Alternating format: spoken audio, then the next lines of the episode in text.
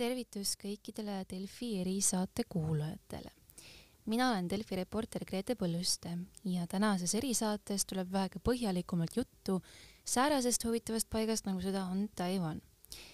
nagu seda vähe läks, võib mõni kuulaja möödunud päevade meediakajastust silmas pidades mõelda, kuid ometigi puudutab too kauge maalapp Hiina kõhu all meid rohkem, kui esiti arvata oskaks kui keegi kuulajatest imestab, miks on just Taiwan viimastel päevadel meediakanalite esilehti ehtinud, siis põhjus on lihtne.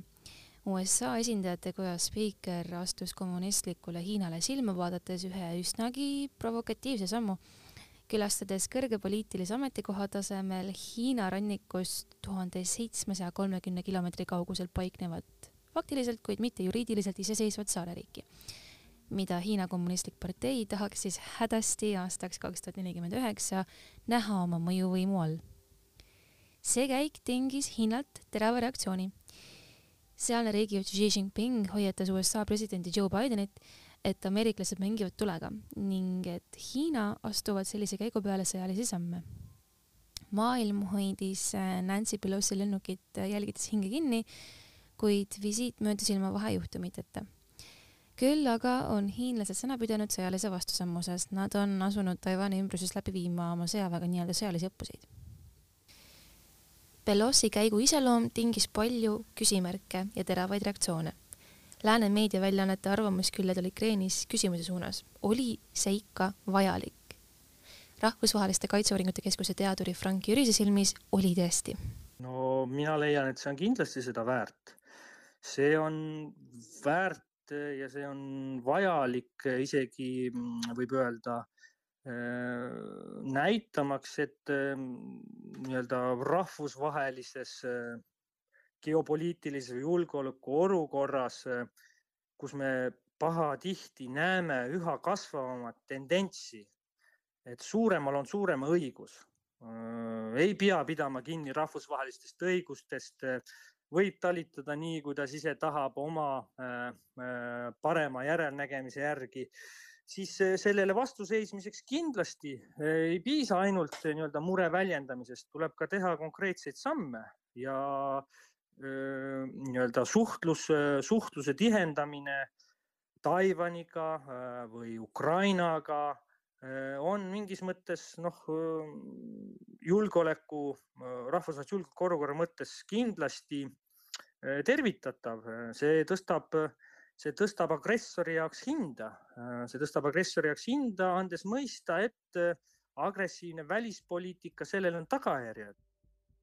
Ka Riigikogu väliskomisjoni esimehe Marko Mihkelsoni öeldust nähtus, et Pelosi visiidist oli kasu loomulikult võib alati küsida, et äh, kas see teenib äh, neid eesmärke näiteks, et see äh, tugevdab või kindlustab ähm, siis neid väärtusi, mida jagavad Taiwan'i elanikud nagu, nagu ka meie demokraatlikke vabu väärtusi või see loob noh, sellist provokatiivsemat keskkonda Hiina tegevuseks, et äh, oma eesmärki ehk siis Taiwan'i ühendada Hiina emamaaga äh,, seda, seda saavutada, et äh, siin kindlasti ühest vastust ei ole, aga kui võrrelda seda kahte sellist äh, hoiakut, mida on ka maailmas selle, nii antud juhul selle visiidi puhul välja toodud, aga üldse käitumises nii Hiina kui, kui ka autoritaarse Venemaa suunal, et kas olla pigem äh,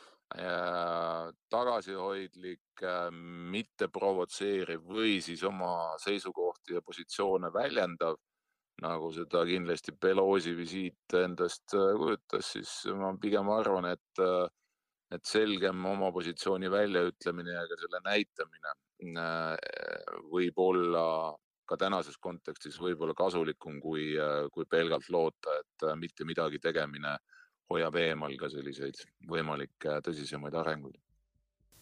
endise Välisluureameti juhi ja praeguse julgeolekuanalüütiku Rainer Saksi nägemusest kõlas aga kerge skepsise noot. noh, kahtlemata on see väga niisugune äh, sümboolne käik ja väga suur toetusavaldus ja, ja kahtlemata on äh, noh, oluline, et Taiwan'i küsimust mitte kuidagigi Hiina ei saaks lahendada ühepoolselt ja Taiwan'i rahva tahet tuleb siinjuures arvestada, selles ei ole kahtlust. aga niisugustel sümboliväärtusega käikudel peab olema ka järellugu, et miks seda tehakse ja mis on siis nii-öelda järgmised sammud, mida sellega tahetakse saavutada. ja kui see jääb lihtsalt nagu ühekordseks selliseks äh, noh, ütleme meediakajastust taotlevaks nagu käiguks, siis sellisel juhul noh, ma ei näe nagu sellel mõtet. arvamusi on seega mitut laadi. miks aga on Pelosi kui Ühendriikide prestiižika poliitiku külastus Taiwan'i pealinnas laiemal skaalal oluline? Marko Mihkelson rõhutas, et Taiwan'i ümber toimuv jätaks puudutamata ka Eestit, kuid mitte ainult no selge on see, et, et üldse Taiwan'i saatus äh, mõjutab väga palju mitte ainult Eesti julgeolekut, aga ka kogu maailma äh, stabiilsust ja julgeolekut äh,. siin on ju küsimuse all äh, see, kui tõsiselt äh, saab võtta Ühendriikide antud julgeolekutagatisi. Neil on kahepoolne julgeolekualane lepe Taiwaniga ja ka Ühendriikide president Biden on seda praegu öelnud, et USA on valmis sõjalise konflikti puhul Taiwanile appi minema. Äh, konflikt Taiwaniga tähendaks ju otsest äh, konflikti või vähemalt konflikti ohtu äh, kahe superjõu Ühendriikide ja, ja Hiina vahel.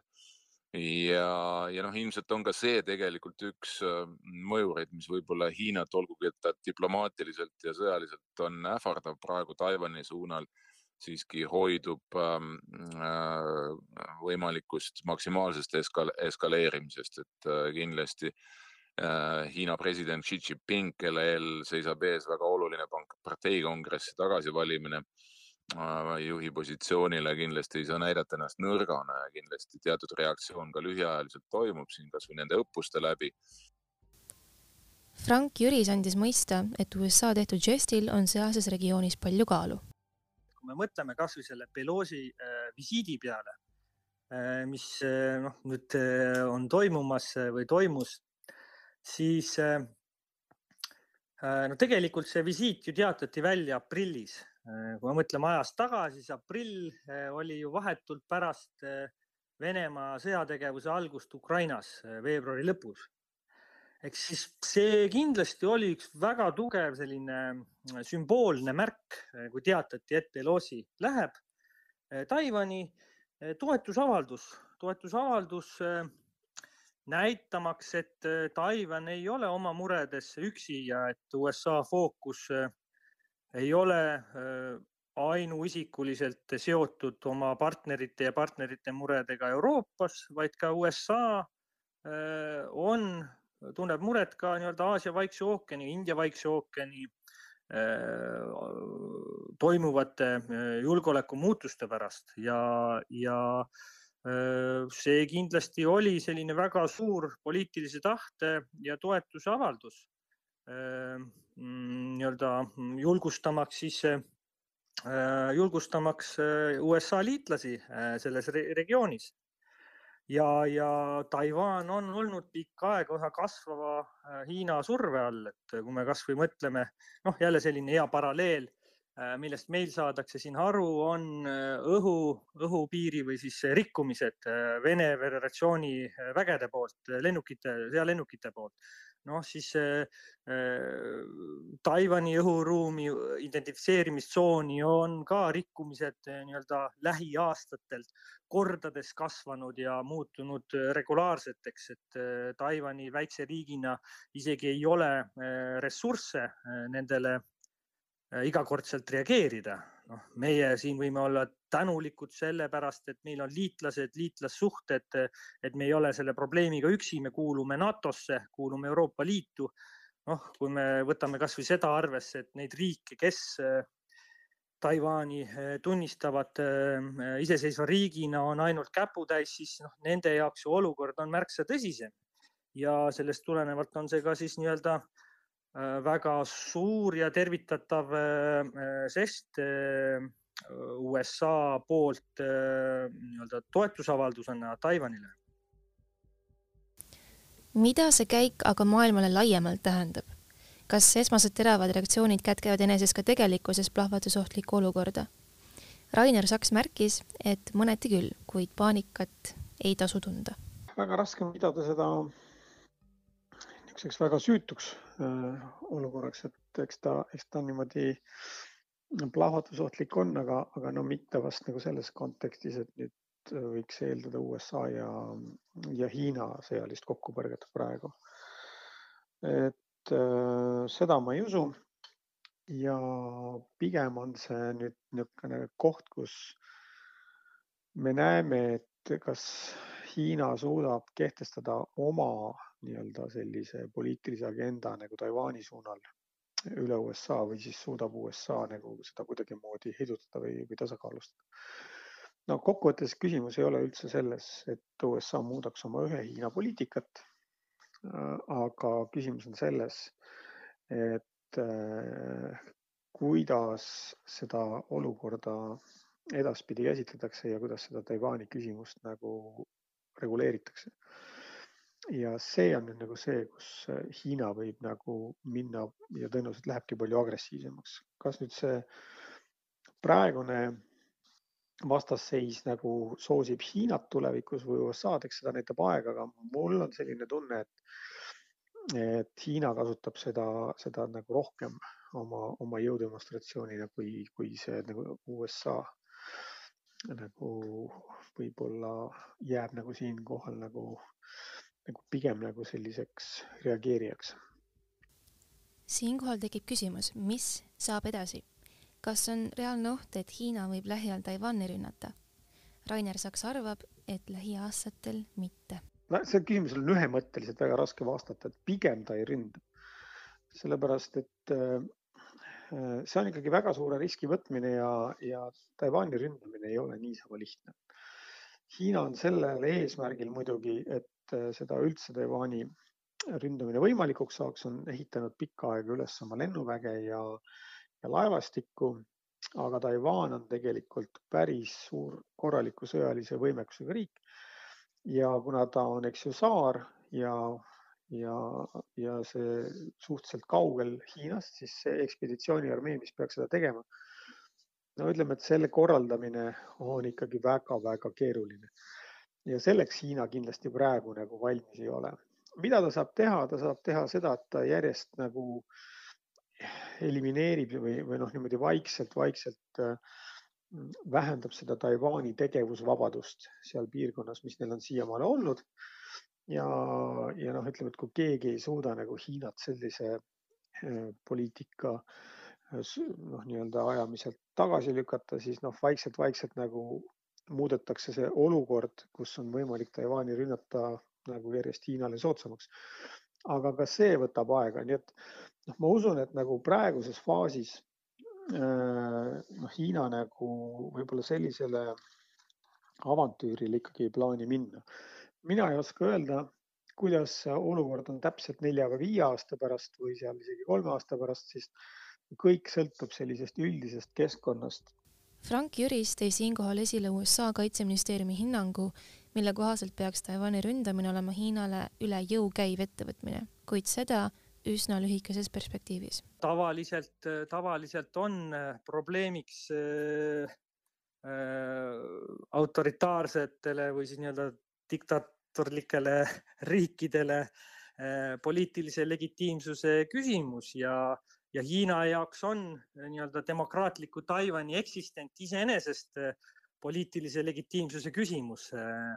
ja, ja mis võiks neid sundida nii-öelda mm, kiiremalt tegutseda, on kindlasti halvenev majanduslik olukord. et kui me mõtleme Hiina peale, siis Hiinal on näinud pikka aega ennenägematut majanduslikku kasvu, mis nüüd on aeglustumas.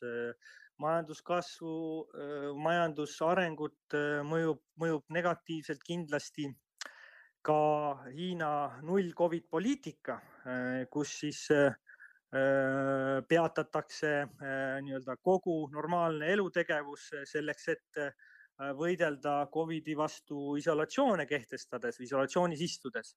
see kindlasti on jätnud juba praegu ja jätab ka tulevikus Hiina Hiina majandusele nii-öelda tugeva jälje ja, ja tihtilugu siis sellised autoritaarsed riigid, kui selle asemel, et nii-öelda otsida või kritiseerida oma poliitikat, siis enda peale näpuga ei ole ju mõistlik näidata, kui sa oled ainukene nii-öelda võimukants kommunistliku partei näol terves riigis, siis selleks otsitakse välisvaenlased ja, ja rõhutatakse, pannakse rohkem rõhku välisvaenlaste otsimisele mm, ja, ja see on muidugi kindlasti murekohaks, kui me hakkame selliseid tendentse nägema.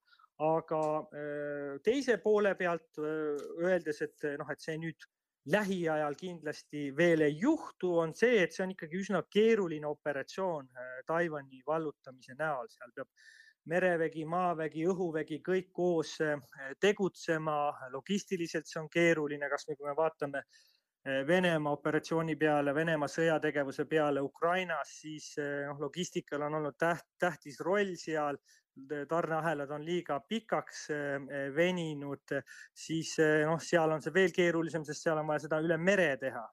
et eh, USA kaitseministeeriumi hinnangute järgi peaks nii keerulist operatsiooni Hiina olema võimeline tegema alles viie aasta pärast, kui ma õigesti täpselt mäletan. et, äh, et selleks nagu nii-öelda äh, kohest hetkelist muret ei ole, aga noh, viis aega on ikkagi piisavalt lühikene aeg, et et Taiwanil on kindlasti põhjust võtta oma enda kaitsmist tõsiselt. kuidas selliste prognooside pealt edasi minna ja olukorda leevendada? Rainer Saks näeb, et USA peaks võtma käsile pikaajalise ja mõneti alalhoidliku strateegia. no ma arvan, et siin niisuguseid avalikke aplombiga liigutusi tehes ei olegi seda võimalik nagu tagasi tasakaalustada. muidugi on selge, et Hiina väldib USA-ga otsest sõjalikku konf, sõjalist konfrontatsiooni, konfrontatsiooni, vabandust. aga ega ka USA ei soovi Hiinaga minna sõjalisse konfrontatsiooni konfrontatsiooni, nii et selle tõttu lihtsalt nagu Hiina praegu äh, võib saavutada selle, et USA mõju seal Taiwan'i ümbruses ja seal piirkonnas sõjalises mõttes tulevikus väiksem. ja noh, see nüüd on vaja uue USA-l välja mõelda, kuidas ta saab seda strateegiliselt tasakaalustada ja ma rõhutan veel kord, seda ei saa teha mingi ühe liigutusega, see peab olema mingi järjekindel, pidevalt aetav selge poliitika, mis ei ole liiga järsk ja, ja, ja irriteeriv. ma arvan, need on nagu need võtmesõnad, kuidas see asi võib nagu saada paremasse võtmesse ehk lühiajalisi kiireid lahendusi siin ei ole. mida arvavad toimuvast aga inimesed Taiwanis endas? Frank Jürisel, kes on ka ise möödanikus seal kandis elanud, on kohapeal tuttavaid jah, mul on seal kohapeal tuttavaid, aga äh, kohalikud tuttavad on Hiina relvatäristamistega juba üsna ära harjunud. noh, kindlasti mureks põhjust on, aga nende jaoks seal midagi uut ei ole. noh, majandus, mis seal olid vist mingid majandussanktsioonid kuulutati välja. kui ma õigesti mäletan, üks neist oli näiteks, et enam Hiina ei osta Taiwan'i liiva. no kui me mõtleme Taiwan'i liiva peale, siis võib-olla on sellest isegi kasu, kui nad enam Taiwan'i liiva ei osta, sest liivast saab ju ka tehissaari rajada see on nüüd naljaga pooleks aga, aga selles mõttes, et eh, üle dramatiseerida ei taha, tasu, aga üks asi, tulles tagasi nüüd eh, noh, nende eh, Taiwan'i poliitilise süsteemi peale ja kuidas Hiina üritab seda kujutada, siis Hiina üritab kogu aeg rääkida äh, Taiwan'is selles võtmes, et nii-öelda praegu võimul olev äh, demokraatlik progressipartei, et nemad kuidagi noh, tahavad kohe välja kuulutada iseseisvust ja, ja Hiina on tegelikult vastava seaduse isegi vastu võtnud, et kui Taiwan peaks kuulutama ametlikult välja iseseisvuse, et siis Hiina kasutab jõudu.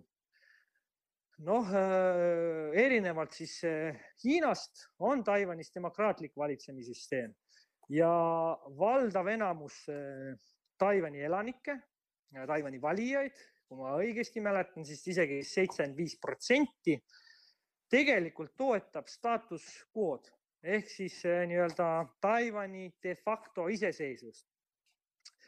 ja noh, erinevalt siis Hiinast, kust ei pea võib-olla valijate nii-öelda meelsusega nii tugevasti arvestama või üldse ei pea arvestama, siis paratamatult Taiwanis on see vajalik, kui sa tahad uuesti valituks saada. ja sellest tulenevalt see jutt või nii-öelda see ähvardused, et kui Taiwan nüüd jälle kuulutab või tähendab mitte jälle, kui Taiwan kuulutab iseseisvuse välja, et siis, siis nii-öelda minnakse kallale. noh, tegelikult Eh, Taiwanil endal, Taiwan'i poliitikutel sellist motivatsiooni ei ole, sellepärast et enamus valijaid seda ei toeta ja erinevalt Hiinast nemad peavad mõtlema ja muretsema siis tagasi valitsemise, tagasivalimise peale. Kuidas aga Taiwan'i ümber keerlev läänt mõjutab? saaks teesile kaks vaatevinklit. üks on see, et, et kui, kui siin lääneriigid USA-ga eesotsas teevad nagu selliseid suuri, suuremaid deklaratsioone, aga nad tegelikult reaalsuses ei suuda äh, seda poliitikat nagu tagada. see kindlasti viib nagu prestiiži langusele, see on nagu üks asi. Ja ma usun, et äh, seda siiski nagu sellisel kujul ei juhtu. Äh, noh, teine asi on nüüd see, et, et see sündmuste selline kulg muidugi süvendab Venemaa ja Hiina koostööd, mis ei ole muidugi jälle niisugune ühemõtteline maatriks. et äh, siin on ka väga palju nüansse. aga kui noh, kui nagu selline koostöö süveneb ja, ja kui see sõjaline koostöö Venemaa ja Hiina vahel peaks süvenema, siis noh, see on kindlasti, kindlasti lääneriikidele palju keerulisem olukord, aga no väga paljud võtmed on siin USA käes ka selles plaanis, et, et kui ta tahab ehitada üles vastukaalu Hiinale, siis tegelikult ei tule seda teha ainult mitte sõjalises plaanis, vaid ka läbi majanduskoostöö ja, ja mitte ainult lääneriikide vahel, vaid ka, vaid ka nende riikidega, kes ei kuulu lääneriikide hulka, on seal Aafrikas või Kagu-Aasias. ja vot see on nagu tihtipeale selline võtmeküsimus, et kas suudetakse üles ehitada nagu selline toimiv alternatiivne kaubandus ja majandussuhete süsteem seda USA praegu ei ole piisavalt hästi suutnud teha. kui siit nüüd edasi liikuda, siis mida tuleks Eestil Taiwan'i peale mõeldes käsile võtta? Mihkel, see on teie esile mitmeid punkte. Ma arvan, et kõige olulisem on ikkagi ka meil äh, see noh, nii-öelda üldine arusaamine selle julgeolekupildi tähendusest ja mõjudest äh, aru saada, et, et kindlasti on Eesti huvides see, kui äh, demokraatiat, meile sarnaseid vabadusi ja väärtusruume hindavad äh, inimesed äh, noh, autoritaarse surve all ikkagi äh, säilitaks oma vabadused, et see on väga suur dilemma, mis puudutab Taiwan'i ja Taiwan'i puhul on, tõusetub ju kohe küsimus, et nii Eesti kui Ameerika Ühendriigid ja teised riigid maailmas on ju äh, Äh, deklareerinud ühe Hiina poliitikat ehk siis sisuliselt andnud mõista läbi selle, et, et nad aktsepteerivad Hiina mm, võimalikku äh, siis kontrolli tulevikus äh, Taiwan'i üle. Aga siin on üks mõjur, mis mida, kindlasti on lähiminevikus mõjutanud ennekõike Taiwan'i elanike endi suhtumist sellisesse võimalikku noh, nii-öelda edasisse areng, suhete arengusse. Pekingiga on kõik see, mis toimus Hongkongis, kus äh, Hiina eemaldus kiirelt äh, pärast Hongkongi tagasitulekut siis Hiina kontrolli alla eemaldus põhimõttest, et üks riik, kaks süsteemi ehk siis tänaseks on ikkagi Hongkongis sisuliselt likvideeritud kõik äh, seal Briti mõjudel loodud äh, vabad institutsioonid, demokraatlikud institutsioonid ja kindlasti see on see, mida Taiwan ei taha. ja, ja siin tekib see dilemma, et, ähm, et äh, kas äh, nii Ühendriigid kui, kui muu maailm neid vabadusi kaitstes on valmis endiselt hoidma kinni sellest ühe Hiina poliitikast või toimub siin mingi muutus, aga meie julgeoleku seisukohalt on loomulikult hästi oluline et, äh, et äh, maailma tähelepanu ei hajuks äh, hetkel ikka kõige olulisemalt ja põhilisemalt julgeoleku äh, mitte ainult ohult, vaid reaalselt sõjalt, mis toimub keset Euroopat Ukrainas.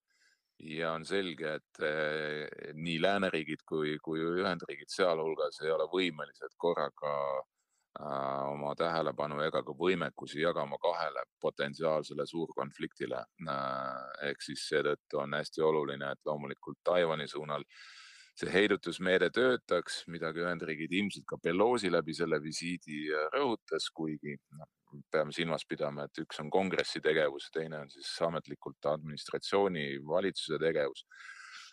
Siis, siis meie jaoks on tähtis, et Ühendriikide tähelepanu ei, ei liiguks äh, peaasjalikult äh, Ida-Aasiasse äh,, vaid äh, Ühendriikide kohalolek Euroopas, sealhulgas meie regioonis säiliks ja, ja püsiks äh, tugeva heidutusjõuna Venemaa suunal. ja muidugi Hiina loomulikult jälgib väga tähelepanelikult ikkagi, mis toimub Ukrainas, kas Venemaal õnnestub äh, äh sõjajõuga saavutada piiride muutmist ja selle noh, nii-öelda faktilist tunnustamist maailmas või, või mitte, et siin on äh, teatud selline seos kindlasti olemas võimalike arengutega ka Taiwanil, aga, aga veel kord, ma arvan, et äh, mis on tähtis, on see, et, äh, et ka meil näiteks suhetes Hiinaga on oluline hoida meeles see, et, et seda kasvavat jõudu ja maailma mõjutavat jõudu, nagu seda Hiina juba täna on, on võimalik tasakaalustada meie väärtusruume ja,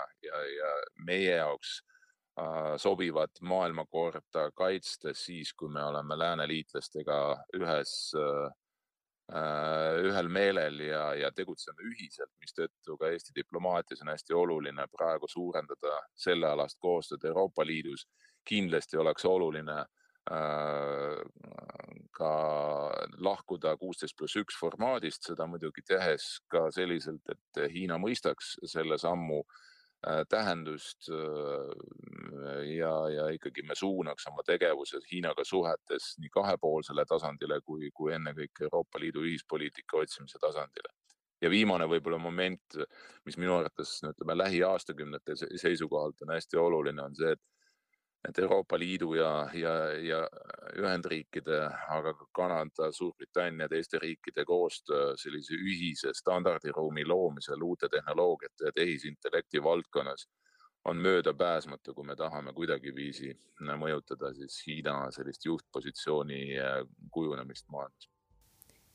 Frank Jüris viitas, et Eesti võiks Tšehhilt ja Leedult eeskuju võtta. minu teada ei ole Eestist veel läinud ametlikku delegatsiooni Taiwan'i eh, sellises mahus nagu näiteks Tšehhist või, või Leedust või, eh, või USA-st, et eh, tihtilugu tasub, tasub küsida, mis meie saame selle eest, et me oma, oma sõnavõttu, oma mõtlemist Hiina suunal tsenseerime et eh, kas sellest on ka meile midagi kasu, pigem vastupidi, kui meie ka osaleme, eh, ise panustame reeglitel põhineva maailmakorra eh, lõhestamisele, nõrgestamile, kas sellel siis tegelikult ei või olla hukatuslikku, hukatuslikku tagajärge mitte ainult Taiwanile tuleviku silmades, vaid ka meile endile.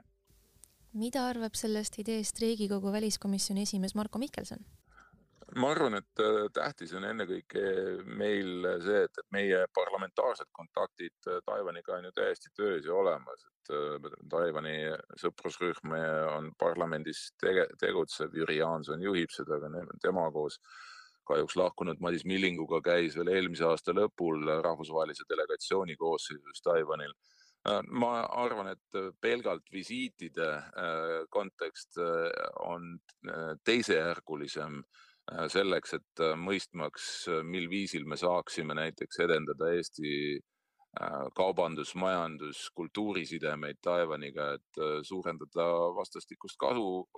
seitsekümmend neli miljonit eurot praegu aastane kaubavahetus on minu arvates piisavalt suur, et näiteks ettevõtluse arendamise sihtasutus võiks kaaluda vähemalt oma esinduse tekitamist Taipeis Äh, või võimalik, et võiks töötada ka selle nimel, et äh, Taipei esindus võiks kunagi tulla ka Eestisse, nii nagu ta paljudes maailma riikides on, Euroopa riikides sealhulgas.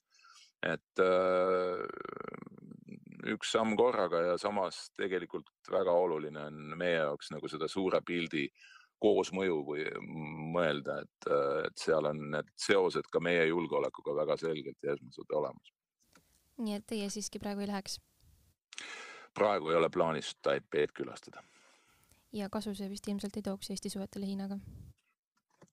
kindlasti on, on meil oluline väga-väga tähtis siiski jah, see ka, ka kõigi nende küsimustega, mis puudutab Taiwan'i praegu tajuda seda, et, et mida rohkem on selliseid tõsiseid globaalseid kriisikoldeid või, või isegi sõjalisi koldeid või konfliktikoldeid, seda keerulisem on Eesti julgeolek, et eks me peame töötama selle nimel, et neid et praegune ikkagi meie julgeolekut kõige esmasemalt ohustav äh, Venemaa tegevus saaks vastustatud äh, nende strateegilises lüüasaamises äh, selles sõjas, mille nad algatasid Ukraina vastu.